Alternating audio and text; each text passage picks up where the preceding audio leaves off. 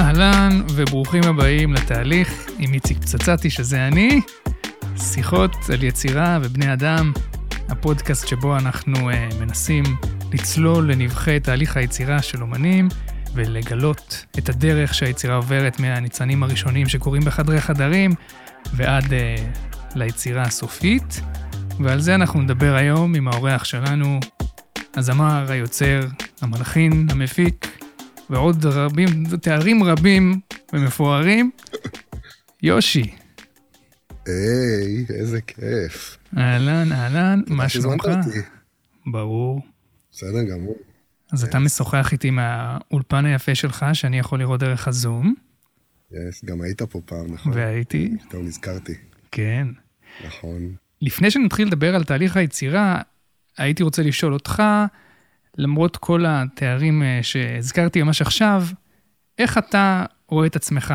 איך אתה היית מגדיר את עצמך, או איך אתה היית רוצה שיראו אותך? אמ, יוצר, נראה לי. כאילו, אמרת את זה. אני לא חשבתי על זה אף פעם ככה, אתה יודע, אף פעם לא עוצרים, יש הרבה דברים שלא עוצרים לחשוב עליהם. אז אף פעם לא עצרתי לחשוב על זה, אבל עכשיו, כשאתה עוצר אותי, אז יש משהו ביוצר שהוא... אה, כאילו, אתה יודע, היום זה נהיה נורא להיות אה, יוצר תוכן, כאילו, אבל זה, זה, זה כל כך דיפ, תחשוב, כאילו, ליצור תוכן בעולם. Mm-hmm. הדבר היחיד ש, שאפשר לעשות, ושהוא באמת אה, כל פעם חד פעמי, אז זה יכול להיות מנגינות, מילים, הפקות שיש בהם צלילים, כאילו, כל, כל דבר עם צלילים ומילים. אז נראה לי שיוצר זה, זה טוב, ובתוך זה אני גם זמר ומנגן וזה, אבל נראה לי שככה יוצר זאת מטריה שמרגישה לי נוח. מעולה. אז, אז בואו נתחיל לצלול לתוך התהליך שלך, ואני אתחיל מלשאול, כשאתה עכשיו אה, בא ליצור משהו, איך זה נראה? ממה זה מתחיל? איפה זה קורה? אם זה קורה באולפן שבו אתה נמצא עכשיו, או בבית, או... אה, נתחיל משם. זה קטע שאתה שואל אותי על זה ומארח אותי בפוסט, בפודקאסט שלך בנקודת הזמן הזאת, כי, כי בדיוק בימים האלו, זאת אומרת, ממש עכשיו, לפני שהתחלנו להגיד, אני ממש בשיא העבודה על, על האלבום השני. זאת אומרת שזה ממש קורה כרגע. זאת אומרת, אני...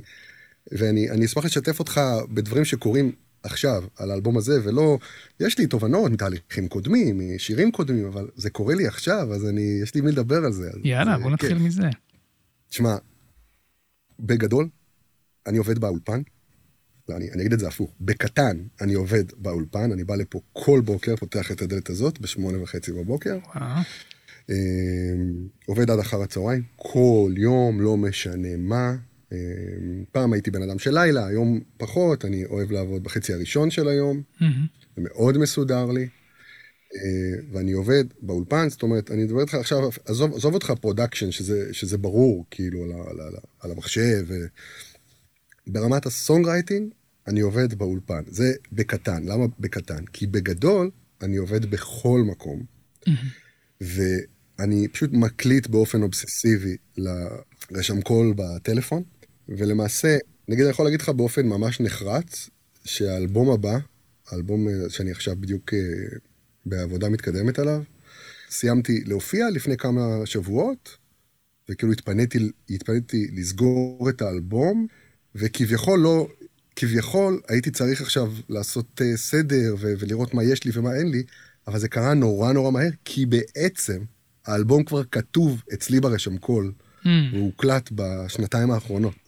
זאת אומרת, אני עובר על הרשם קול שנתיים אחורה, אני באופן אישי שם אה, כל ההקלטות שאני אוהב, אני שם אותן על המחשב, ואז אני עושה עוד שמיעה, מסנן, מסנן, מסנן, ומגלה שיש לי כבר אלבום.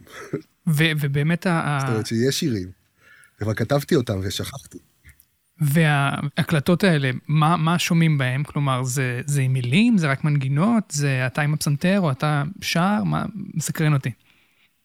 זה, זה כל זה. זאת אומרת, לרוב, זאת אומרת, זה, זה מנגינות, או שאני עם גיטרה שנייה מזמזם איזה משהו, או רק איזה, איזה ביט שכאילו אני עושה על הגיטרה ועוד אין לו מלודיה, אבל אני יודע שזה יהיה שיר.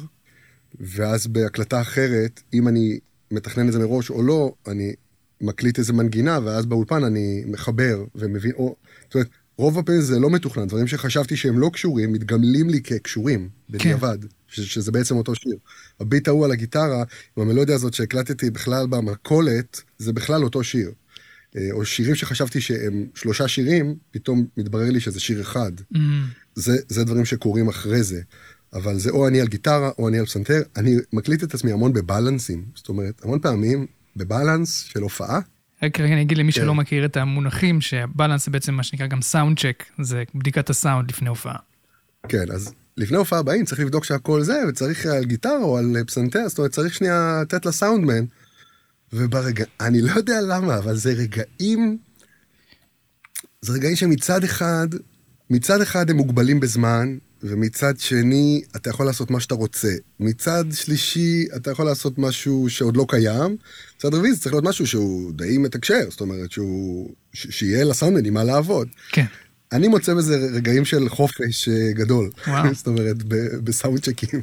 המון פעמים אפשר לשמוע בהקלטות שלי, אה, אותי מנגן על פסנתר ושר, רק מנגן, וברקע שומעים את הסאונדמן, מדבר אליי, תיתן לי עוד אה, זה. ו...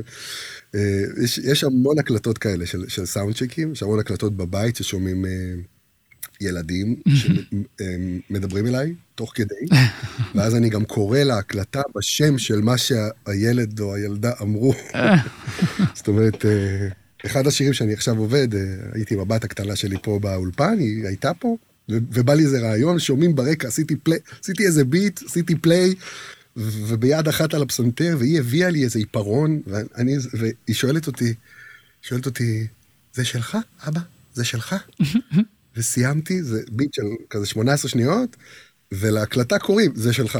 זאת כן. אומרת, אה, לך תדע איך יקראו לשיר, אבל זאת אומרת, ככה אני גם זוכר את זה אחרי זה. זה מעניין, זה מעלה לי כמה מחשבות. אני מקליט באופן אובססיבי. תמיד אנחנו חושבים על, על, על הקלטות כעל איזשהו תיעוד של רגע, אני חושב שרוב המוזיקאים או מנסים לתפוס איזה רגע, ובאמת בהקלטות האלה יש באמת איזה שהם רגעים, ואתה גם קורא על זה בשם של הרגעים, אז יש משהו שכאילו, בשבילך לפחות, מנציח איזשהו משהו... חד משמעי. שנשאר בשיר הזה עד הסוף, אני מאמין.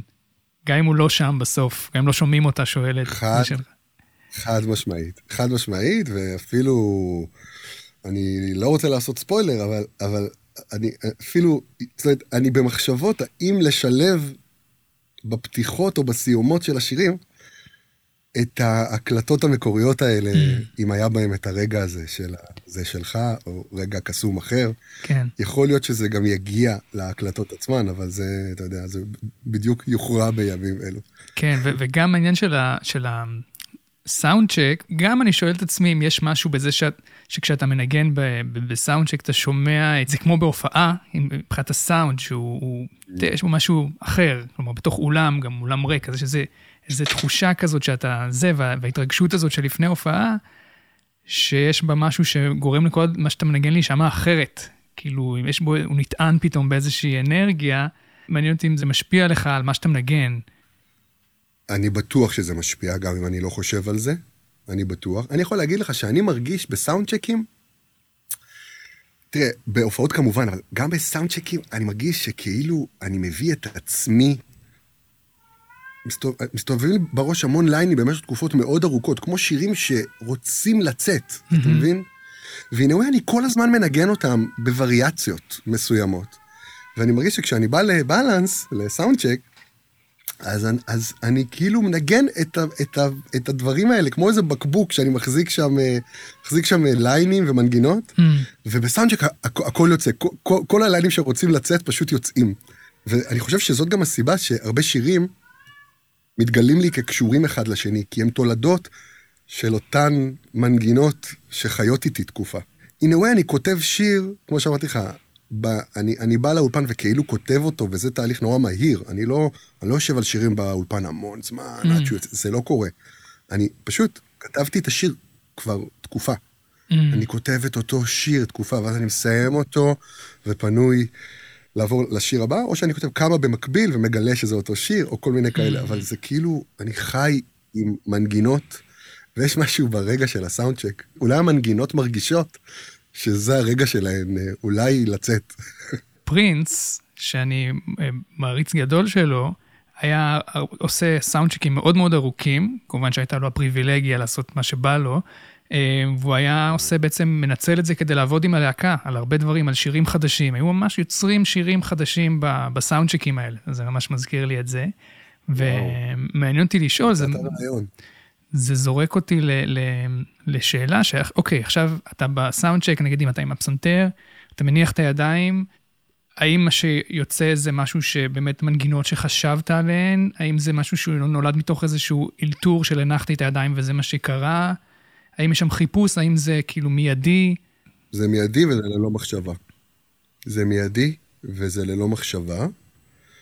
אתה יודע, אבל כמו, כמו כל דבר, הללא מחשבה המיידי הזה הוא פשוט פרי של השק הזה שאני סוחב איתי לכל מקום, שהוא כל מי שאני ומה ששמעתי פעם ומה שאני שומע עכשיו. וזאת אומרת, אני, אני מודה שיש דברים בשק הזה שהם יותר כבדים מדברים אחרים. Mm. זאת אומרת, כל מיני, נגיד כשאני על הפסנתר, אז הפסנתרנים שהשפיעו עליי יושבים חזק בשק הזה, ולוקחים אותי לשם. כל אחד והמיקס שלו, אתה יודע, לי יש את המיקס מיקס פסנתרנים שיצר אותי. אה, זרוק לנו כמה אה, שמות. וואו. אה, קודם כל, מתי כספי. Mm-hmm. ברור. זאת אומרת, גם בנגינת הפסנתר שלו, גם בנגינה של גיטרה קלאסית, אבל עזוב אותך שנייה מתי ככותב שיר, עזוב אותך ממה זה מתי כספי בשבילי, שזה שיחה, אבל גם בתור פסנתרן. מהעבר השני, כית' ג'ארט, שמאוד השפיע עליי. ופרתי בנעוריי, זאת אומרת שהייתי ט' עד י"ב כזה, חפרתי ממש את נגינת הפסנתר של רמי קליינשטיין. Mm. ממש את הוויסינגס ואת ההולכות ואת ה... אז כאילו, היום שאני מתיישב, אני יודע שזה... זה עוד דברים, כן? אבל... Uh, אתה יודע, ג'רס בלייק, אבל uh, אני יודע שזה המיקס הזה. Mm-hmm. אני כבר לא יודע איפה אני מתחיל ואיפה המיקס הזה, מיקס ההשפעות שלי נגמר. אם בכלל, אם בכלל אני מתחיל... אני לא יודע אם אני תורם לזה משהו. Mm-hmm. זאת אומרת, אם אני לא סך ההשפעות הזה בכלל. האמת, אני אומר לך. בסופו של דבר, כולנו ערבוב של כל הדברים ש, ש, שטמועים בנו ונטמעים בנו כל הזמן. אבל בסופו של דבר זה עובר דרך איזשהו פילטר, אני חושב לפחות, זה עובר דרך איזשהו פילטר שהוא הדברים שהם, שאנחנו נמשכים אליהם, שהם, שהם קשורים גם למי שאנחנו כבני אדם ומי שאנחנו בחיים. אז לפחות אני חושב שיש השפעה, מן הסתם, mm. אה, למי שאנחנו. כאילו, אנחנו קובעים את המרכז כובד, לאיפה זה ילך. Mm-hmm. ו- ובמובן הזה, אני מתחבר למה שאתה אומר, ששאלת הידיים על הפסנתר, זה, זה מחשבה, זה מתוך חיפוש, ואמרתי לך, לא, אין חיפוש, אני שם את הידיים וזה. אבל אני קולט שכן יש פה ממד של חיפוש, שקשור למה שאתה אומר. זה לא חיפוש, מה לנגן, אבל זה כן חיפוש אחר איזושהי תחושה. אני כן כל הזמן מחפש איזושהי תחושה, mm-hmm. להרגיש. Mm-hmm. וכל הזמן, זה כמו המרכז כובד הזה, כמו על איפה אני מושך. אני כל הזמן מושך להרגיש משהו. Mm-hmm. אני יודע מהו. זאת אומרת, אני, אני, אני יודע איך זה מרגיש, הדבר הזה. מעניין אם גם אחרים חווים ככה את המוזיקה שלי, זו שאלה, ואולי לא נדע לעולם, אבל, אבל אני יכול להגיד לך שאני, כשאני מנגן, אני, או כותב, או יוצר משהו, אני כן מחפש איזושהי תחושה, ואם אני לא מרגיש אותה, אני מיד אעזוב את זה. זאת אומרת, mm. אני לא, אני לא, אני לא מבזבז את הזמן אפילו. Mm.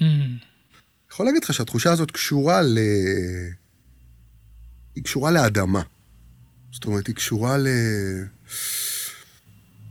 היא קשורה, אתה יודע, אני מחפש את זה גם בגרובים, גם בביטים, וגם כשאני מנגן, וגם במנגינות, ובכל דבר שאני עושה. Mm. אני מחפש להרגיש שזה כאילו מחובר mm-hmm.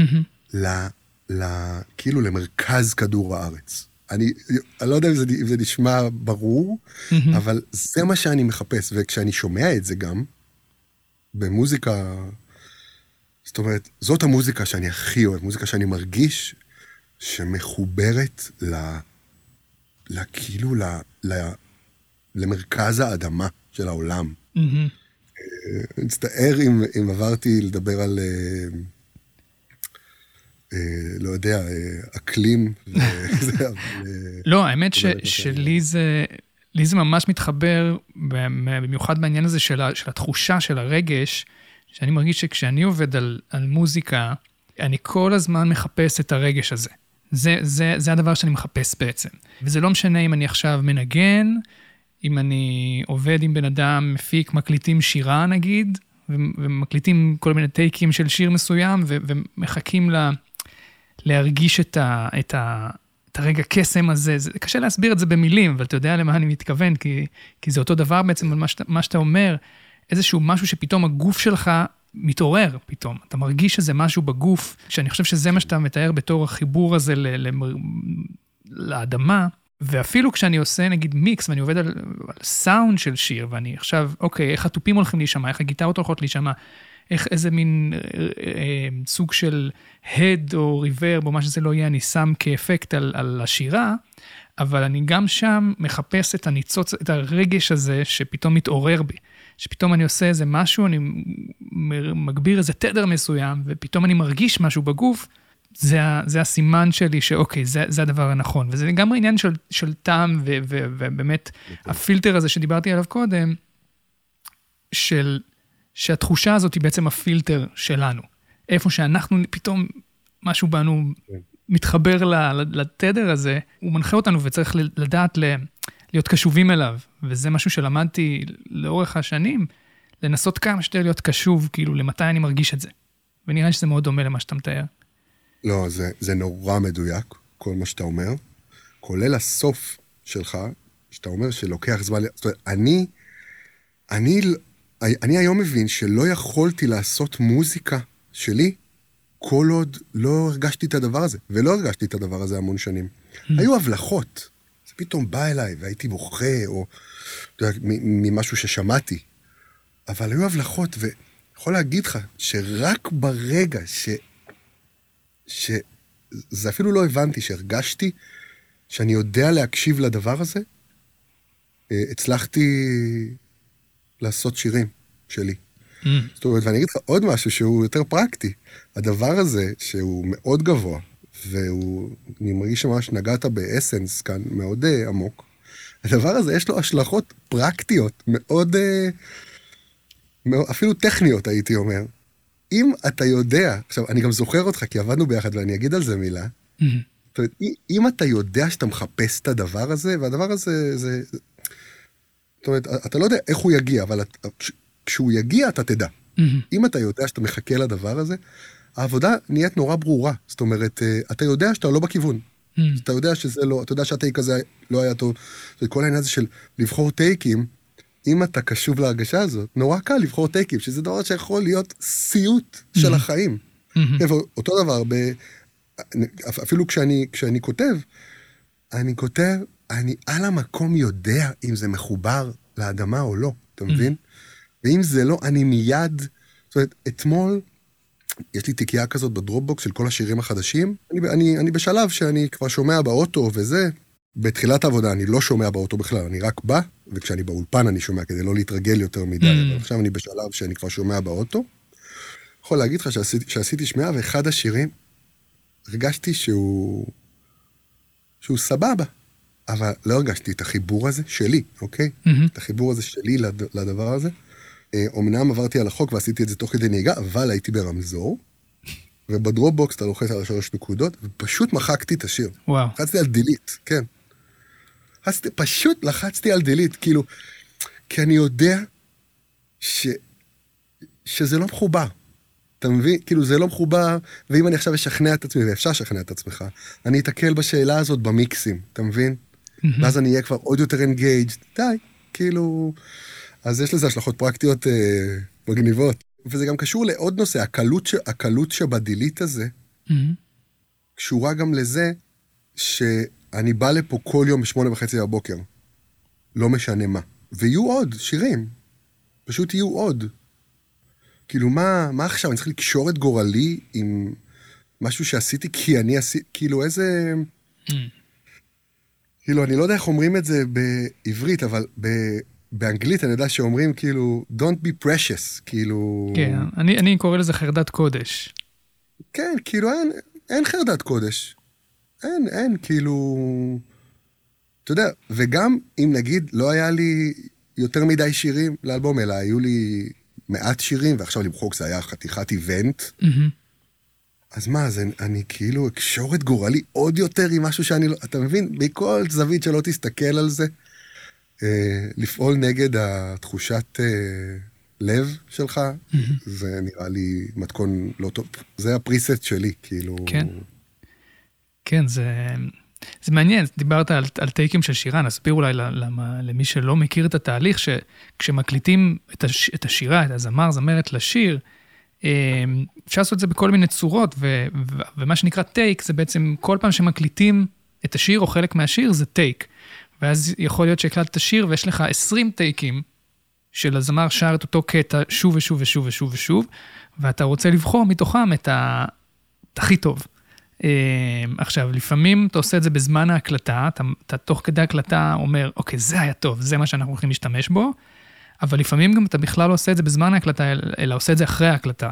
הקלטת את הכל ואתה ניגש לזה אחר כך, מקשיב להכל ובוחר. ו- ואני לפעמים, זה נורא, נורא תלוי בסיטואציה, אבל יש סיטואציות שאני אומר, אוקיי, עכשיו אני לא הולך לנסות אפילו להבין מה הכי טוב, פשוט נקליט מלא, עוד, עוד טייק ועוד טייק, ועכשיו תעשה את זה אחרת, ועכשיו תעשה את זה אחרת, ובואו נעשה מלא דברים, ואז אני אלך לזה, אני אחזור לזה שוב אחר כך, ואני אקשיב, כאילו לא שמעתי את זה אף פעם, כי אני בכלל לא זוכר מרוב שעשינו מלא טייקים, ואני אקשיב להכל, ואז אני אחכה לרגעי הקסם.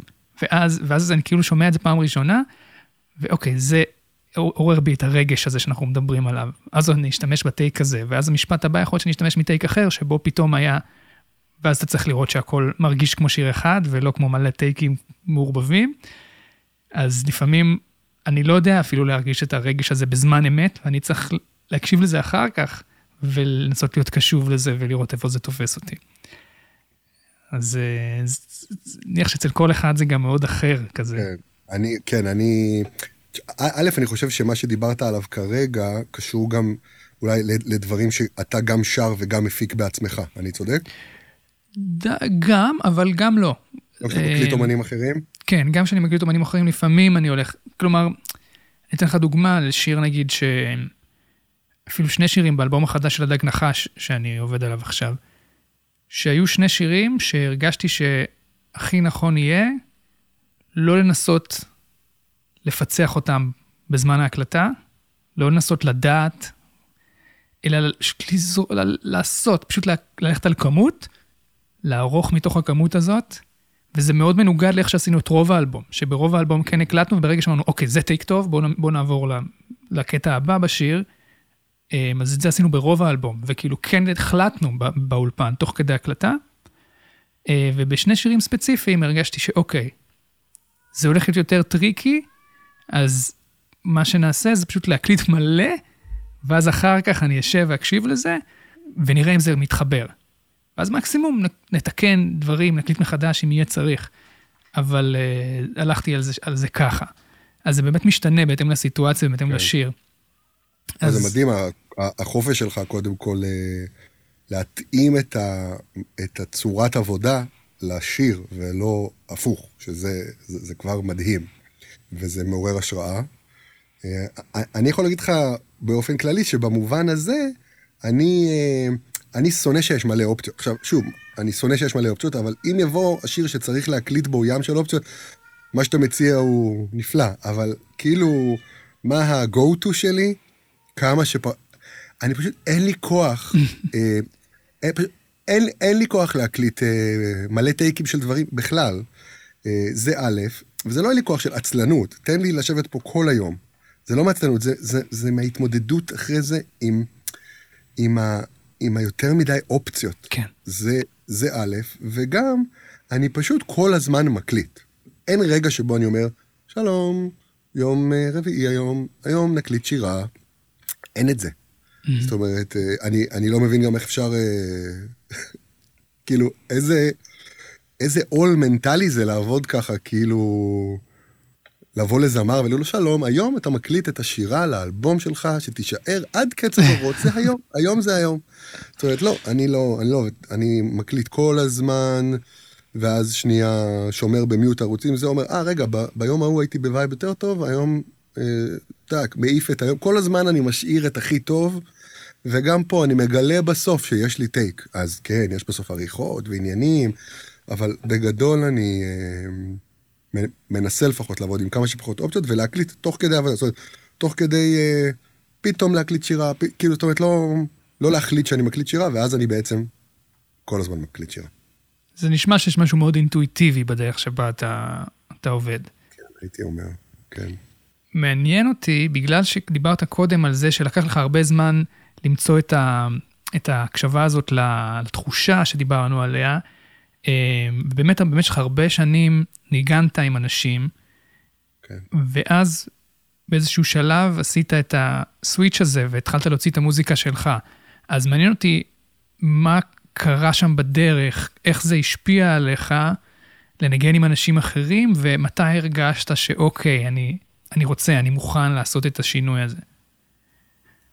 וואו, אה, שאלה ענקית שאפשר להתייחס אליה מהמון מובנים, אז אני, כמו שאני, שנייה אינטואיטיבי, כמו שאתה אומר, כן. יכול להגיד לך, קודם כל שהתהליך הזה של למצוא את היכולת שלי להקשיב ל... לסימן, אתה, כי אני לוקח את המילה שלך, אה, ש, שאמרת שאם זה ככה, זה סימן שזה טוב. זאת אומרת, אז mm. היכולת שלי להקשיב לס, ל, ל, ל, לסימן של החיבור לאדמה, הדבר הזה לקח לי המון המון שנים, וזה לאו דווקא, ואפילו הייתי אומר ברובו, לא תהליך מוזיקלי בכלל. זאת אומרת, זה לא קשור לזה שניגנתי עם אנשים. זה גם קשור, כי זה משהו שעשיתי הרבה מהזמן, והכל קשור, אבל אני לא תופס את זה בכלל כתהליך מוזיקלי. זה תהליך מנטלי, רוחני, שקשור ב, בעיקר בהתבגרות ובזמן שעובר, ובמסע החיים ובדברים שעברתי באין ספור אה, תחומי חיים. זאת אומרת, ביניהם גם המוזיקלי. שוב, ואני לא יודע אם הוא, אם הוא הכי חשוב. אז זה א', אבל בואו נתקוף את זה מהמוזיקלי, כמו שאתה שואל, ואני יכול להגיד לך שלנגן עם, אה, עם אנשים, זה כמובן היה בית ספר מטורף למלא דברים. קודם כל, קודם כל, היו רגעים, ממש לא כולם, של השראה גדולה. זאת אומרת, לעבוד עם אומנים, קודם כל רגעים של השראה, גם רגעים, זאת אומרת, אה, השראה מהאומנים עצמם, אה, השראה מלראות קהל, לראות קהלים, לראות קהלים מגיבים לשירים, איך הם מגיבים. אתה יודע, זה, זה בית ספר להמון המון דברים, זה, זה בית ספר לסט ליסט. אין דבר יותר חשוב מסט ליסט. סדר השירים במופע, כן. סדר השירים. זאת אומרת, לדוגמה, אה, כמובטח, אני אגיד מילה על הפעם ההיא שאנחנו עבדנו ביחד, mm-hmm. אנחנו, אה, היה אירוע גדול מאוד בפסטיבל ישראל, נכון, מופע הפתיחה או הנעילה, אני לא זוכר. פתיחה, כן. שאתה הפקת מוזיקלית, ואני ניגנתי קלידים, והיו באמת, זה היה ערב היפ-הופ מדהים, עם באמת כל האומנים הכי מדהימים בארץ מההיפ-הופ, אומניות ואומנים, וזה היה מהמם, ועבדנו תקופה, ואני ניגנתי תחת ההפקה שלך עם הרכב שנגנים טירוף, ו... ואני זוכר שראיתי אז מקרוב המון אומנים ש... שלא הכרתי מקרוב. Mm. אומנים נפלאים ואומניות. זה היה רגע של השראה גדולה גם מהם וגם ממך. ואני יכול להגיד לך שזה רגע שנתן לי המון. זאת אומרת, אם אני עכשיו קצת מחבר את הנקודות, אמרתי לך קודם שאני גם זוכר אותך בחזרות, שומע ביט שאנחנו מנגנים, ושנייה שנייה בודק אם זה אם זה זה, ואם זה לא, אז, אז, אז אומר שזה לא, ועובד על זה בהמון צורות מעניינות, אבל... זאת אומרת, אה, ואתה צריך להבין שא', סבבה, כיף נגן, הכל טוב, שירים טובים, אומנים טובים, מוזיקה טובה, חבר'ה, הנג, הכל קורה. Mm-hmm. אבל אלה רגעים מאוד, מאוד, מאוד חשובים בדרך, לראות את הדבר הזה ולקחת ממנו משהו.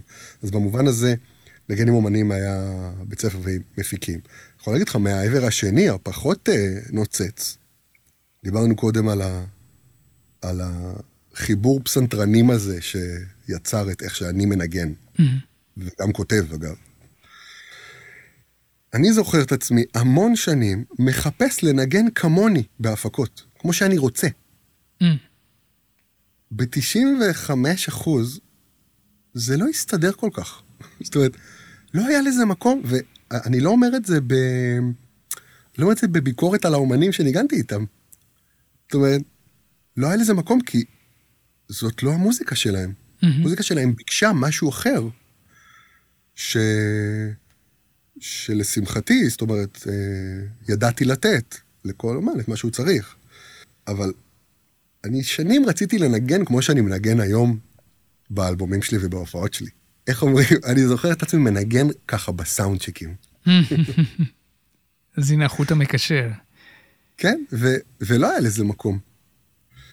ואתה יודע, אף פעם לא חשבתי על זה ככה בזמן אמת. כן, אני רוצה לנגן כמוני ואין מקום, אז אני אלך ואעשה אלבום. זה לא עובד ככה. Mm. לא עובד ככה. במקרה שלי הייתי צריך לעשות מסעות וללכת רחוק ולחזור ולהבין את מה שאני צריך להבין. לא היה איזה רגע של תובנה, זאת אומרת, זה לא... אבל אלה רגעים שהיום, כשאני, כמו, אתה יודע, כמו בכל אה, פסיכואנליזה טובה, שאתה מעביר אותי. אה, עכשיו אני מבין ש, ש, ש, שזה רגעים מכוננים, זאת אומרת ש... ו, ואפילו חרוטים לי, אפילו, כמו בפסיכואנליזה טובה, אפילו חרוטים לי רגעים ספציפיים עם אומנים ואומניות ספציפיות, שהרגשתי שאני רוצה לנגן איכשהו ולא יכול לנגן. Mm. כולל אפילו, אני אתן לך סקופ, אה, כולל אפילו הערות, זאת אומרת, אה, הערות של אה, תעשה פחות ככה ויותר ככה, הכל סבבה, אני, אני עושה את זה, אני בא, אני בא לתת שירות, הכל, הכל קורה. כן. אבל אה, רגעים כאלה של, וואי, אבל כאילו, איך בא לי לנגן כמוני? ואז באיזשהו שלב, מתי התחלת כאילו, ל... בוא נגיד, להרשות לעצמך לכתוב את, הדבר הזה, לתעד אותו, להקליט אותו. לתת לו איזושה... איזושהי כאילו מציאות? התנסיתי בכתיבת שירים לפני הרגע המכונן הזה שאתה שואל לגביו, ובאמת קרה, כן. ונדבר עליו, אבל התנסיתי. אני היום יכול להגיד לך שכל מה שכתבתי אז, גם אם היום אני שומע אותו והוא סבבה, אז הוא לא מחובר לאדמה. Mm-hmm. אפ- אפילו אם זה דברים שאני אסתטית, יכול להגיד לך שאני חושב שהם יפים, או שאני עומד מאחוריהם, זה לא, זה לא מאותו מקום. ואתה שואל, אתה יודע מה אתה שואל, אתה שואל על, ה, על הגלגול הנוכחי שלי, כן. ועל, זאת אומרת, על ההבנה שהגעתי הביתה אל השירים. וזה קרה, קודם כל זה היה לא מוזיקלי. זאת אומרת, אני בכלל אה, הייתי באוניברסיטה המון שנים, אה, אני למדתי תואר ראשון בפילוסופיה, תואר שני בפילוסופיה, הייתי צריך לנסוע לדוקטורט בארצות הברית. לא נסעתי, התחלתי ללמוד רפואה, הייתי צריך להיות רופא, ואז עזבתי הכל, כי הבנתי שאני צריך לוותר על המוזיקה, את כל הדברים האלה תמיד עשיתי יחד עם המוזיקה, אבל הבנתי שאני משום מה לא יכול לוותר על המוזיקה, ואז התחיל תהליך של שנייה, של איזושהי התבגרות מואצת כנראה לתוך איזה רגע שבו הבנתי שאני עוזב את האוניברסיטה, ואני לראשונה בחיי אהיה מוזיקאי. Mm. זה אחרי שנים שכאילו הייתי מוזיקאי, אבל שאני אהיה המוזיקאי שאני רוצה להיות. Mm. וככה זה מתחבר לסאונדצ'יקים שביאסו אותי. רק אומרת- אולי נז- לא זרקנו שמות של עם מי ניגנת, רק כדי שמי ששומע... אה, ניגנתי, אה, כן, אז אה, ניגנתי א', לאורך השנים, אתה יודע, בתעשיית המוזיקה, אם אתה מספיק שנים בתעשיית המוזיקה, אתה בגדול יוצא לך לנגן עם כולם, אבל הבולטים אה, זה אילי בוטנר, בכל מיני פרויקטים שלו, גם הפרויקט הראשון שהוא עשה עם רד נקר, שווים, זה, זה ככה ההפקה הגדולה הראשונה שניגנתי בה, ואז עם אילי ורן, אה, ניגנתי עם מוקי הרבה שנים. כן. אה, הראל סקאט, אה, ועוד ועוד רבים וטובים וטובות. אז באמת, עזבתי בית ספר לרפואה כדי להיות מוזיקאי, כדי להיות המוזיקאי שאני רוצה להיות. איזה באסה שזה פודקאסט ללא וידאו. מה שקרה עכשיו זה שהחתולה של- שלי כן. הפילה את המצלמה. איזה חמודה. כן, היא פה מסתובבת, אני גם, היא גם דיברה לא מעט, שר שירים ברקע, לא יודע אם הצלחת לשמוע את זה. שמעתי, כן, אני לא הבנתי אם זה ילדים או חתולים. אז זה כן, זאת פומה, ועכשיו היא משקיפה פה מהחלון, פה לידי, יס. אז זהו. אז בואו נמשיך. אה, אז מה שאמרתי זה שעזבתי בית ספר לרפואה כדי להיות המוזיקאי שאני רוצה להיות. וישבתי, לקחתי את החדר הזה, שממנו אני מדבר איתך עכשיו, Mm, ולא היה כתוב עוד כלום. ו... אבל היה משהו אחד שהרגשתי מאוד מאוד חזק. אה, הרגשתי שרכשתי ושיש לי את התחושה הזאת שאנחנו מדברים עליה, Mm. מדברים סביבה כל, ה... כל הפודקאסט. זאת אומרת, הרגשתי את זה ש... שאני, שאני יודע, ו... ו... ושאני יודע עוד משהו, שאני יודע מתי כיף לי ומתי לא כיף לי. mm, שזה גם נורא נורא חשוב לדעתי. נורא נורא נורא נורא. זאת אומרת, הרגשתי ש... הרגשתי שאני במקום שאני יודע, א', אם משהו אה, עושה לי, אה, מזיז אותי במקומות הנכונים, וגם שאני יודע אם כיף לי או לא. והבנתי שאם זה לא מחובר לאדמה, אז זה לא, ואם זה לא כיף, אז זה לא. mm, עכשיו, once היו לי את שני, שני הדברים האלה שהיה לי אותם נורא חזק. נורא נורא חזק. הכל קרה נורא מהר. אמרתי לך קודם, זה, זה תובנות כאילו עמוקות, אבל הן פשוט פרקטיות. כן. הכל קרה נורא, השירים נכתבו נורא מהר, גם הכל, תוך ארבעה חודשים היה, היה לי אלבום. וואו. החדר הזה, הכל. הקלטתי הכל פה לבד, הפקתי, שלב מאוחר יותר. זאת אומרת, בסוף העבודה על האלבום צירפתי, אה, מזל מזלי, ונפל לתוך חיי אה, מפיק שותף שקוראים לו עמרי עמדו, שהוא מהמם. מפיק ומוזיקאי בלתי נתפס, וכמה שירים אחרונים באלבום עשיתי איתו. אה, ביחד, ממש בשיתוף פעולה אה, מדהים, שלא עבדתי אף פעם עם מישהו אה, באופן הזה, בשיתוף פעולה כל- כל כך עמוק. אה, וזו ברכה מאוד מאוד גדולה. אבל כן, אה, האלבום קרה נורא, נורא מהר, once התחדדו לי שתי התחושות האלה, שלקח להם להערכתי משהו כמו עשר שנים. וואו. אה, לקח לי עשר, אני יכול לומר, למה אני אומר עשר שנים? כי הייתי באוניברסיטה, כאילו עשר שנים, אז זה נשמע יפה, שמתי ספרי עשר, אבל זה כנראה יותר. כן. אז כנראה כל החיים עד אז. כן, כנראה, כן, כנראה שכן. אז אם שנייה נלך עכשיו שוב לתהליך הכתיבה והיצירה עצמו, אז תיארת לנו איך, אה, איך אתה יושב והמנגינה יוצאת. מתי המילים נכנסות לתוך המשוואה הזאת, והאם הן נוצרות מתוך המנגינה, או שזה גם אה, דברים שהתחלת במקום אחר והם פתאום מתחברים להם ל- ל- לשיר אחד? אז כמובן שזה הרבה דברים, אבל, אבל בגדול, המון מהמילים אה, נוצרות, אה, אפילו אם זה שברי מילים או מצלולים, כבר ברגע הכתיבה. אה, זאת אומרת, אני יכול לעשות, להיות בנה נה נה, ופתאום תתגנב איזה מילה באופן אה, שאני לא שולט, והיא גם תיפול נכון ותהיה, זאת אומרת, תהיה הנכונה. Mm. המון פעמים הרעיונות האלה גם מבשילים להיות ממש שירים, זאת אומרת שלא ידעתי על מה השיר, וזה שבטעות התפלק לי, אה, זה, זה, זה מגלה לי על מה הולך להיות השיר, ואז אני פשוט כותב אה, זה. יש שירים שאני לא מחליט על, על מה השיר. זאת אומרת, אני ממש באיזושהי אינטואיטיביות, אה, ואז אני כאילו, רק כשאני מסיים, אני עושה קריאה ומנסה להבין, ו, ומניסיוני, כל פעם שזה קורה, אני גם מבין על מה השיר, וזה מטורף, כי זה כאילו, זה ממש התת-מודע מדבר. זה ממש תהליך... אה, זה כאילו, אני ממש מבין על מה השיר אה, ולמה הוא רצה להיכתב. כאילו, ממש ככה. ויש שירים, המון פעמים אני גם אוהב לפתוח, אה, יש לי הרגל בפתקים, בטלפון, יש מקרים שאני יודע על מה השיר. זאת אומרת, אני בא עם רעיון, אני בא, אני יודע כאילו על מה השיר בגדול, או מה...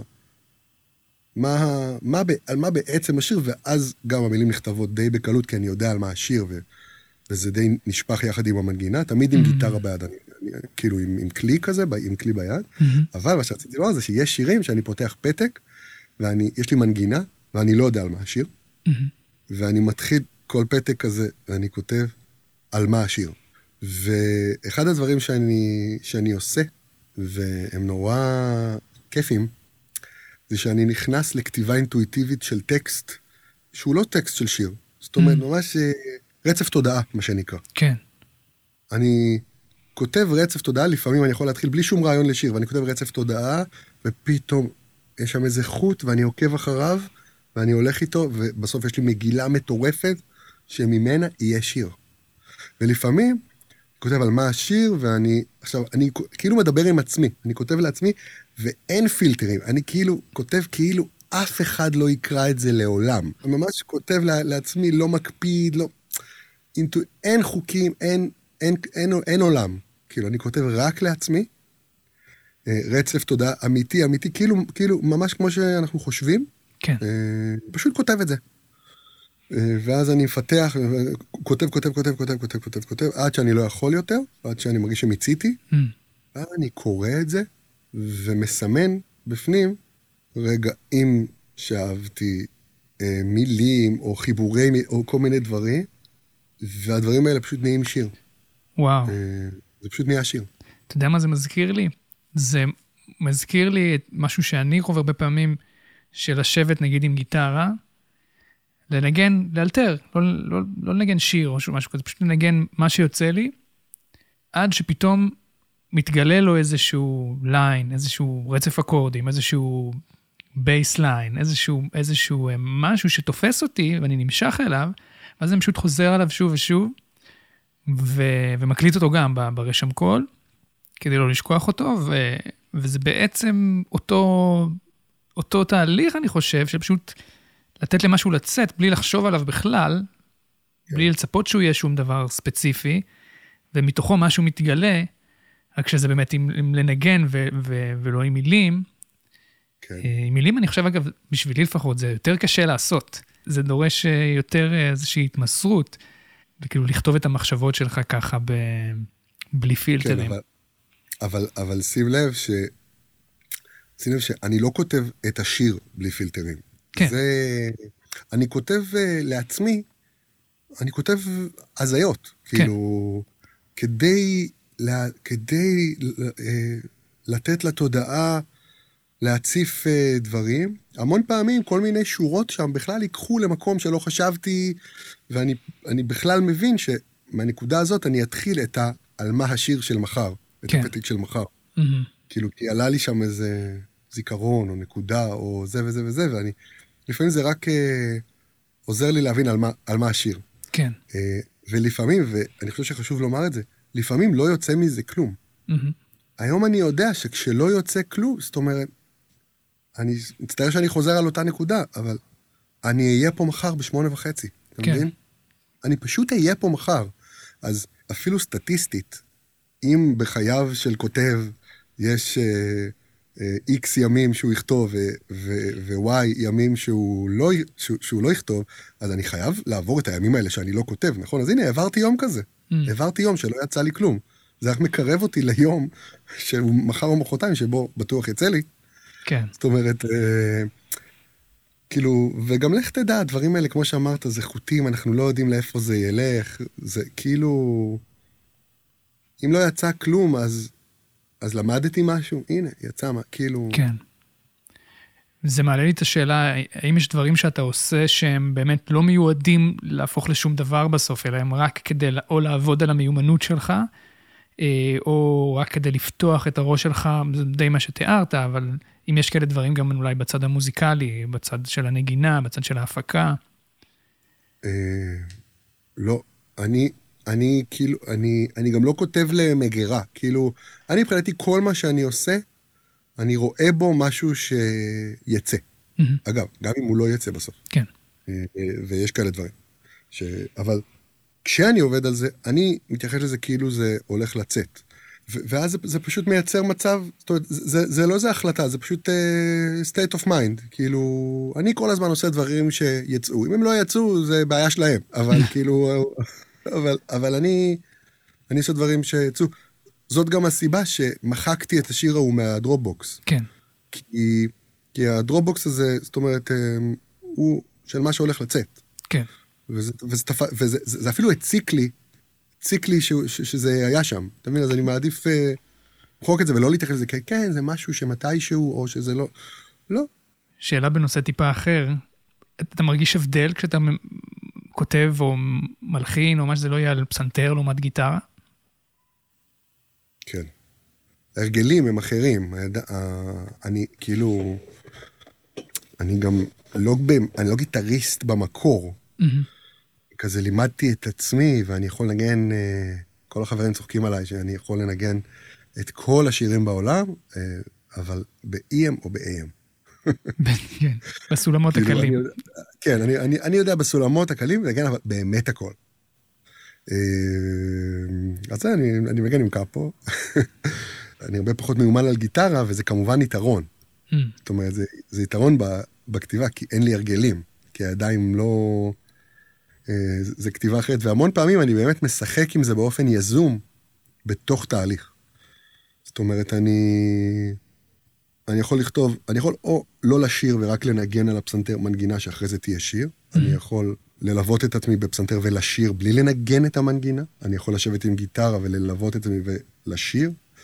זאת אומרת, אני לא יודע לנגן מנגינות על גיטרה. כן. כאילו, זה, זה, זה אני לא יודע. ולפעמים אני בתוך תהליך עובר בין הכלים כדי שנייה לרפרש את עצמי. Mm, אפילו בתוך אותו שיר. מעניין. נגיד, אין מספיק זמן שלי, מהמם. הוא נכתב כולו על פסנתר. אני חושב, ש... אני חושב שאחרי שאני אגיד את זה ואתה תחזור לשיר, אתה ממש תשמע את זה. כאילו, כאילו אפשר לשמוע את זה. אה, אין מספיק זמן, הבתים נכתבו על אה, פסנתר, מהמם. והפזמון, חודשים אחרי זה, השיר הזה היה ללא פזמון, אה, המון המון זמן. חודשים אחרי זה הפזמון, הפזמון נכתב על גיטרה. מעניין, אתה יכול, אני, יש לך שם קלידים, אתה יכול אולי ל- ל- כן. להדגים כדי שנסבר את האוזן? שומע? כן. מעולה. אז uh, הבתים זה... מה שתתני לי אקח, מה שתתני לי אקח, מה שתתני לי אקח, ומה שלא יהיה, אני כולי שלך. מה שחסר לי איתך, מה שחסר לי איתך, מה שחסר לי איתך, זה עוד חיים שלמים, אני ואת עולם. אין מספיק זמן, אין מספיק זמן, אין מספיק זמן, זה עוד מוקדם. ואת עוד כאן, זה הבתים. הפזמון והבתים נכתבו על, על הפסנתר. על, על פסנתר, כן. כן, אוקיי, ואז הפזמון. הפזמון זה איך אנחנו שנינו בעולם, איך מפה לשם, איך זה שראיתי מה שעוד לא נולד. לנו עוד זמן, תן לחזור הביתה, בלי לחשוב לרגע על כל מה שעבר. דו דו דו דו דו דו דו דו דו. אז זה כאילו ה... סליחה? זה כאילו ה... זה, זה, זה קוהרנטי והכל, אבל אני, אני יודע איך זה נכתב. כאילו, עמרי היה פה, עמרי עמדו. מהמם. אה, הייתה גרסה של השיר הזה, של אין מספיק זמן, הייתה גרסה שלו ממש מופקת, עם זמרת, הוא היה דואט, הוא היה אמור להיות דואט. מהמם. אה, ואני רציתי לעבוד עליו, רציתי, רציתי הפקה חדשה, כי לא אהבתי את מה שאני עשיתי לבד. כן. הוא, דו, הוא דווקא אהב, ואמר לי, אה, אבל הוא אמר לי, תשמע, בוא, אני יכול שנייה להגיד את האמת? אמרתי לו, ברור. הוא אמר, "אה, אין פזמון. כי, כי, כי זה היה, מה שתתני לי יקר, מה שתתני, מה שתתני לי יקר, ואז הפזמון היה, אין מספיק זמן, אין מספיק זמן, אין מספיק זמן, זה עוד מוגנר, ואת עולה פעמיים. אין מספיק זמן, אין מספיק זמן, אין מספיק זמן, נה נה נה נה נה נה נה. עמרי אמר לי, תקשיב, הדבר הזה שאתה קורא לו פזמון, זה לא פזמון, mm. זה הפרקורוס. פשוט אין פזמון. וכמובן שהסתכלתי עליו, וכמובן שאמרתי לו, אחי, אתה צודק. מהמם. איזושהי הבנה שהייתה שם כבר בפנים. כנראה, כן, כנראה. אה, והוא פשוט שיקף את זה. ובא, ו, ובאותו רגע פשוט לקחתי את, ה, את הקלאסית, מה שאנחנו קוראים הקלאסית הקטנה. קלאסית כזאת, אה, שאני... הנה, זאת. ו, וה, וה, והפזמון קרה באמת, זאת אומרת, כמו זמן הנגינה, זאת אומרת, זה, זה קרה... זה קרה ב-EM כמובן, כי אני לא יודע לנגן ברה מינור. מהמם. זה הטי די די די די די די די די די די די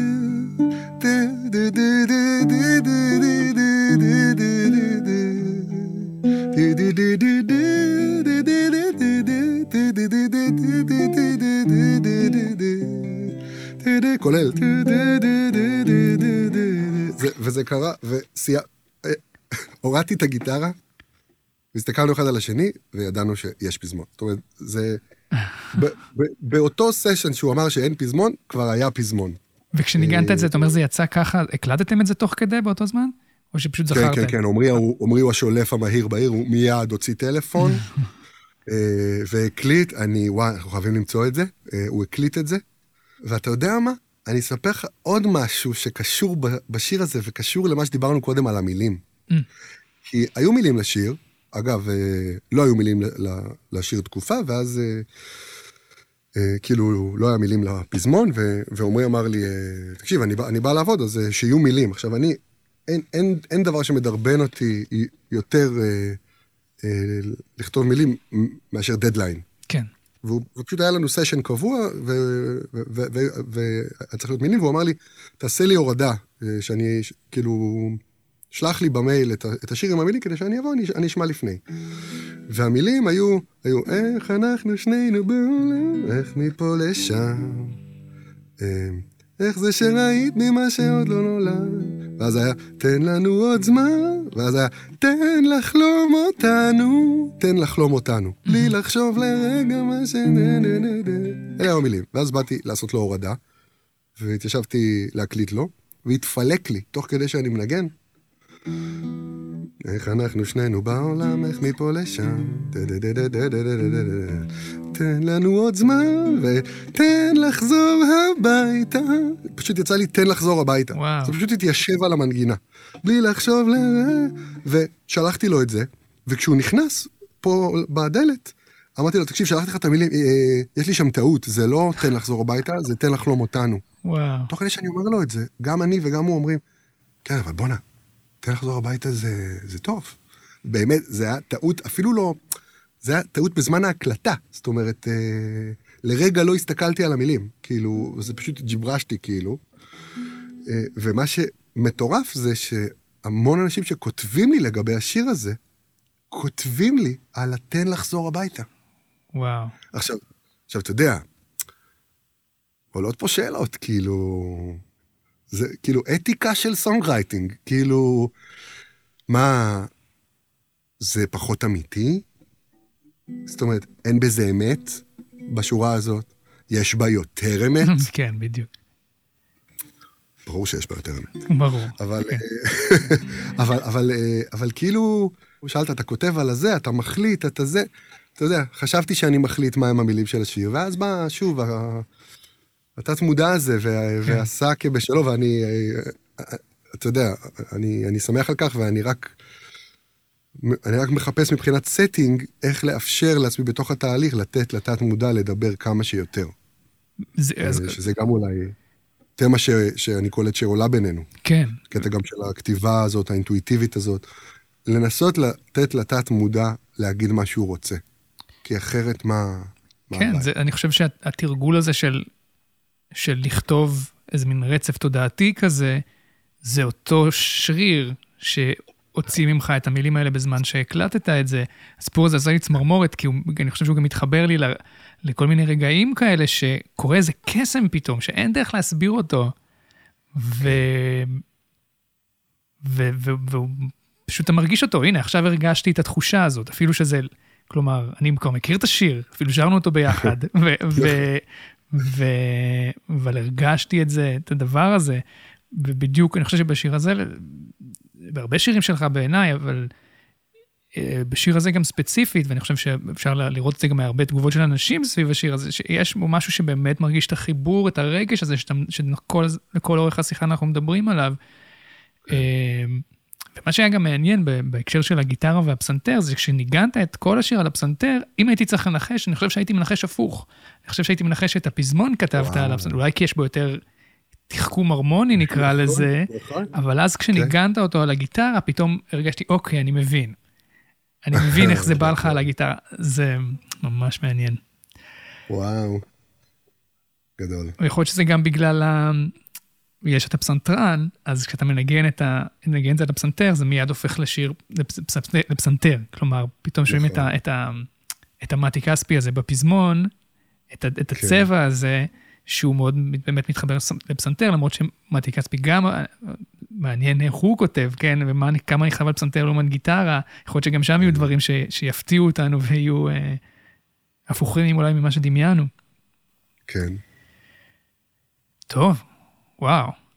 אז עכשיו אני רוצה שנעבור ככה לחלק המסיים של, ה, של השיחה, למרות שיש עוד המון דברים שהייתי רוצה לשמוע ועל זה, אז אה, זה צריך לחכות לפעם אחרת, אבל החלק הסופי של השיחה זה, אני אזרוק לך כל פעם מילה, ותן לי את מה זה מעלה בך. זה לא צריך להיות משחק אסוציאציות של מילה בחזרה, אלא פשוט לנושא, מה הוא אומר לך. אז נתחיל מהמילה חלומות. ענק. חלומות זה דבר שמתעדכן. Mm. תפרט. זה כמו, זה כמו, אה, זה כמו קו האופק. כאילו, אתה הולך אליו, אתה רוצה, אתה חולם להגיע אליו, וכשאתה מגיע אליו, אז יש אופק חדש. Mm-hmm. גם חלומות מתעדכנים ככה. אני אומר את זה בקטע הכי טוב שיש. זאת אומרת, אה, זה... אפשר לעשות ככה חיים. זאת אומרת, חיים של מאופק לאופק, לאופק, לאופק. זה אושר. זאת אומרת, לחיות חיים בכלל ש... אפשר לדבר בהם על חלומות ועל הגשמה של חלומות, זה לא מובן מאליו בכלל, וזה חיים שראוי לחיותם. ולא נוסיף על זה שום מילה, אמרת את זה מושלם, אבל נעבור למילה נוספת ש... שאולי מתחברת, הצלחה. וואו. אה, אתה יודע, זה, אפשר לענות על כאילו, מה זה הצלחה, האם, זאת אומרת, אה, אבל בוא נהיה אינטואיטיבי עם הצלחה. אמ, קודם כל, אני חושב ש... שאנחנו חושבים הרבה פעמים על הצלחה כ... לאיפה הגעת, מה השגת, כמה השגת, כמה עשית, האם כבשת. אבל אני מעדיף לחשוב על זה יותר כעל הדרך לשם. ואם אם הצלחתי בדרך אל האופקים האלה, שהם החלומות האלה, אם הצלחתי בדרך גם ליהנות וגם להרגיש uh, בבית, שזה נורא חשוב לדעתי בחיים. Mm. אם הצלחתי להרגיש בבית, אז, אז קודם כל זאת הצלחה מבחינתי. ואני גם מאמין שזה מתרגם להצלחה, כאילו במובן האולד סקול שלה, של כאילו הצלחה מסורתית, הצלחה בעולם החיצון, הצלחה... אבל זה קודם כל החוויה שלך בזמן ההליכה בדרך. Mm. אני, אני גם חושב שכל פעם שתנסה לתלות את הזהות שלך, או את האושר שלך, או דברים ב, בהצלחה החיצונית הזאת, זה נידון לכישלון, זאת אומרת, זה, זה, זה כישלון בטוח. כן. זאת אומרת, גם אם תשיג לרגע, אבל זה מגדיר אותך, ההצלחה החיצונית הזאת, ההצלחה של ההישגים, השורה הזאת שאפשר לכתוב, שעשה כך וכך והצליח לעשות. אם זה מגדיר אותי וקובע אותי, אז uh, נדונתי לחיים של... Uh, בבודהיזם אומרים סבל, כאילו, אבל זה, זה, זה סבל במובן uh, עמוק. Uh, אבל אם אני חושב על הצלחה כעל כל רגע בדרך. אז uh, אגב, זה שוב תובנה כאילו עמוקה, אבל היא פרקטית בטירוף.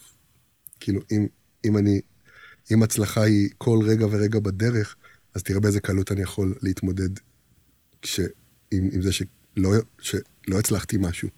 כן. תראה, אני לא הצלחתי להשיג את הדבר הזה, וזה קורה לי המון, mm-hmm. המון סירובים, המון לא, הדרך הזאת. אנחנו, אתה, אני, אתה, חברנו לקהילה, אנחנו, אנחנו מכירים את זה, הדרך הזאת היא, היא קשה, ויש בה המון סירובים והמון לא, לצד הכן, הרבה לא. אבל אם, אם הדרך, אם אני על הדרך, אז יש לי דרך מאוד פרקטית גם להתמודד עם הלא. כן, אני ממש יכול להתחבר לזה. באמת הדברים שלא מצליחים בדרך, אני מגדיר את זה כאילו, אם, אם המילה הבאה הייתה כישלון, נגיד לצורך העניין, אז אני חושב שעל עצמי לפחות אני חווה אלף כישלונות קטנים כל, כל יום. אבל, אבל גם אה, הצלחות. אז באמת, אם אתה מסתכל על זה אולי ככה, אז ברור, כל הזמן אתה נכשל, והרבה פעמים כאילו ההצלחה הכי גדולה היא, היא דברים ש...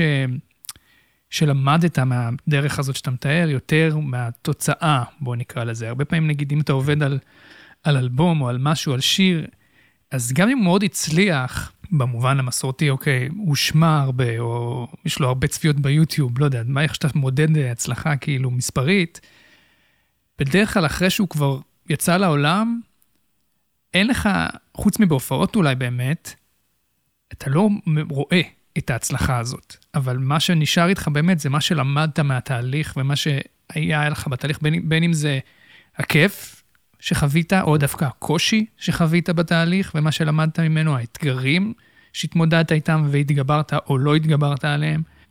אז באיזשהו מקום, בשבילי, אני חושב שזה הדברים שאני הכי מנסה ככה לזכור אותם, ולהסתכל עליהם ולהגיד, אוקיי, זה ההתקדמות הזאת, היא ההצלחה באיזשהו מקום, בשבילי. לראות שאוקיי, אני כל פעם עם הפנים לדבר הבא, כמו שתיארת עם החלומות, ואני יכול לראות מה למדתי. הרבה פעמים אני חושב, נגיד, אחת המחמאות שאני הכי אוהב לקבל, זה השתפרת. שזה לכאורה זה, זה, זה, זה יכול להיות גם, אתה יכול לראות בזה עלבון גם, שכאילו לא היית טוב מספיק לפני כן ועכשיו אתה יותר טוב. אבל אם האמנתי שאני טוב מספיק בשלב שלפני זה, ואמרו לי, השתפרתי, אמרתי, אה, וואו, אוקיי, אז אני בדרך הנכונה, אז הצלחתי. טוב, בוא ניתן עוד איזה, עוד איזה שתיים, שלוש מילים ככה. כן. מקוריות. האינטואיציה שלי, שלי לגבי זה קשורה בדברים שדיברנו קודם, לגבי השק השפעות. אני אגיד לך דבר והיפוכו. במובן מסוים אני לא עוסק בכלל במקוריות, זאת אומרת, זה לא, לא, זה לא משהו שאני חושב עליו בכלל בתוך תהליך. Mm-hmm. כי, כי, כי אתה כבר יודע על מה אני חושב, אני חושב על הכיף ועל החיבור לאדמה. זאת אומרת, mm-hmm. אם אני חושב על משהו. Mm-hmm. זאת אומרת, אלה הדברים שאני בודק, אני לא בודק מקוריות, אני לא... ואני גם כבר יודע שאני סך, סך, סך ההשפעות, וכמו מה שדיברנו קודם, הגדרת את זה נורא יפה עם המרכז כובד וזה וזה וזה וזה וזה. עם זאת, אני לא רוצה לעשות דברים אה, לא מקוריים. זאת אומרת, אני לא רוצה לעשות דברים שלא, שלא, שלא עשו, אבל גם במובן הזה, העקרונות שלי שומרים עליי. למה הם שומרים עליי? כי מה יהיה לי גם כיף וגם מחובר לאדמה? מה יהיה? דברים שהם אני, אתה מבין? דברים שהם... כאילו, אני אתן לך דוגמה כאילו מוזיקלית. נגיד קח את אין מספיק זמן, כי ניגענו אותו קודם, אוקיי? אבל אפשר להגיד את זה על כל שיר. אה, אם תנגן אותו ככה על פסנתר, הוא יכול להישמע לך כמו שיר אני אומר, אני אומר את זה בגאון, כן? אבל יכול להישמע לך כמו שיר שנכתב ב, ב, במדינת ישראל בין השנים 1930 ל-1980. כן. אוקיי? Mm-hmm. פשוט כי משם אני בא, אגב, זאת אומרת, זה פסקול ילדותי, ספריית אביב של נעמי שמר, זאת אומרת, אני בא משם, מיוסי בנאי, מ... אבל הדבר האחרון שמעניין אותי זה להוציא שירים שנשמעים ככה, כי אני גם לא, אני גם לא אוהב את זה, כאילו, זה לא, זה לא, זה, זה לא מעניין אותי, אני מאוד אוהב את זה, לשמוע את זה, אני לא אוהב לעשות את זה. אבל כאן נכנס העניין של איך אני מפיק את זה, איך אני מתייחס אל השירים האלה, מה אני עושה איתם, איך אני תופס אותם בכלל. תשמע, מספיק שאני שם את השיר אולדי הזה על, אה, על ביט, כאילו, ביט שאני אוהב מחר, זה מקורי. כן. זאת אומרת, אמ, מקוריות זה לא מתנת האל לאנושות. מקוריות זה, זה חיבור, חיבור חדש שלא היה. Mm-hmm. מקוריות זה, זה קונטרה נכונה שלא ניתנה. זאת אומרת, המילה הזאת, קונטרה, היא... אין דבר יותר חשוב, לדעתי, במוזיקה. זאת אומרת, מלתת את הקונטרה הנכונה. Mm-hmm. השאלה היא, מה הקונטרה לזה שבה... בדם שלי ובלב שלי, כאילו ישבתי, לצערי זה לא, לצערי לא הספקתי, אבל כאילו ישבתי בחדר אוכל של הקיבוץ כשנעמי שמר הייתה מנגנת על הפסנתר, mm-hmm. כאילו, השאלה איזה קונטרה אני נותן לזה, mm-hmm. כי זאת תמונה, וזה אני. אבל אני יותר מזה, אני לא רק זה. כן. אני עוד הרבה דברים. אני לוקח מעצמי עוד צדדים, ושם אותם יחד עם הדבר הזה, וכבר הדרך למקוריות. אז, אז כשאני אומר שאני לא מתעסק במקוריות, אני לא מתעסק, אה, רגע, מקורי זה לא, אני, אני, אני לא דואג, כי, אם, כי, כי יש, לי את ה, יש לי את הסימנים שלי. אה, ואני גם לא עוסק בזה באופן תיאורטי, אני פשוט אוהב לשים קונטרות לדברים, ואז דברים אה, פשוט נהיים חדשים. כן, אני אפילו אזרוק עוד מילה שדומה קצת למילה קונטרה, והיא context. אה, כלומר, מה, באיזה space, באיזה הקשר הדבר הזה קורה, המוזיקה context, הזאת. context, אוסף של קונטרות, כן.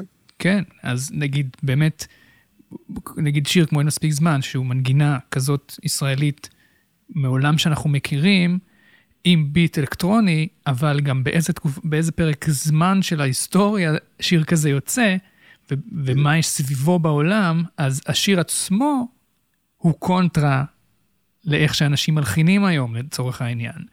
מעצם היותו, מעצם איך שהוא מולחן, אבל בגלל שהוא בא בקונטקסט מודרני, אז הוא, הוא רלוונטי, אז הכל ביחד אה, מייצר איזשהו משהו שהופך את זה למאוד רלוונטי.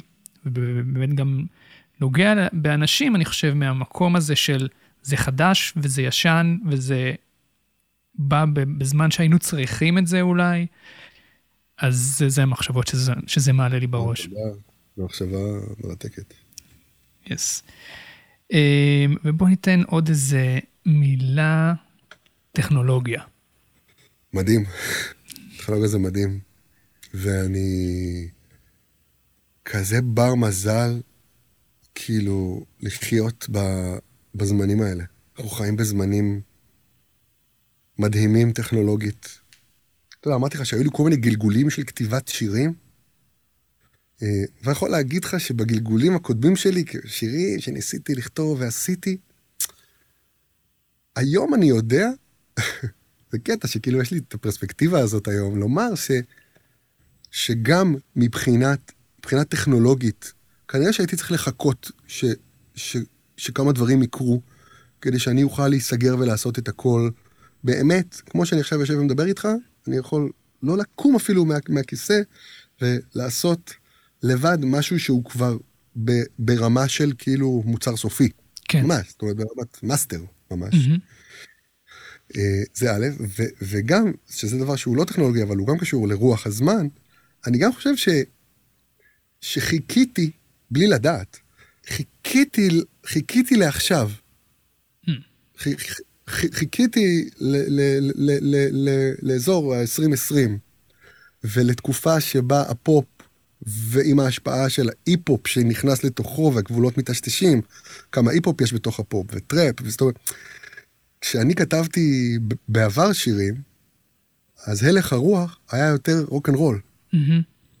כאילו, ככה היו נשמעות ההופעות, ככה היו נשמעים ההפקות. אני זוכר פעם היו, כאילו, התחילו יותר המחשבים, אז כאילו, היו הפקות עם נגנים, אבל היה גם לופים, אז היו אומרים לופים. כן. אתה יודע, זה ביטים, אז היו אומרים לופים. כן. אה, אבל עדיין האוריינטציה הייתה של, בסוף, ב-DNA, זה היה כאילו של רוק. כן. שזה מעולה למי שאוהב רוק. אני פשוט לא בא משם באופן מאוד מאוד עמוק. Mm. וזה זה מה שהיה. כשכתבתי פעם שירים ולא, לא מצאתי את עצמי. Mm. היו עוד הרבה סיבות שלא, שלא עשיתי מוזיקה בעבר, מנטליות וכולי, אבל גם מוזיקלית, לא, לא מצאתי את עצמי. ב, ב, בעולם של רוק, פשוט לא מצאתי את עצמי. ועשיתי דברים אחרים, לשמחתי, וכשהתעוררתי, אתה יודע, זה כמו אה, יפייה שהולכת לישון ב, במגדל ומתעוררת, אה, כאילו עברו עשר שנים, mm-hmm. ומתעוררת, וקניה ווסט ברדיו. אתה יודע, קניה ווסט, ואתה יודע, ודואה ליפה, וכאילו, אה, גם בוחבוט, כאילו, ברדיו, כאילו, כן. ו Ableton בעולם, ו Cubase טירוף, ויש Splice, וכאילו, וואו, לזה חיכיתי, לזה fucking חיכיתי. כן. אז אה, ממש היה לי מעניין. yes, היה לי כיף גדול, וכמו בפסיכואנליזה טובה, אתה יודע, אתה בא, אתה בא כאילו לדבר, אבל בסוף אתה לומד יותר ממה שאתה מדבר, אז יצא לי טוב. גם אני למדתי המון, אז uh, מקווה שזה uh, ילמד עוד אנשים uh, ששומעים את זה. אני אגיד לך המון תודה, ונדבר בקרוב. יס, yes, תודה.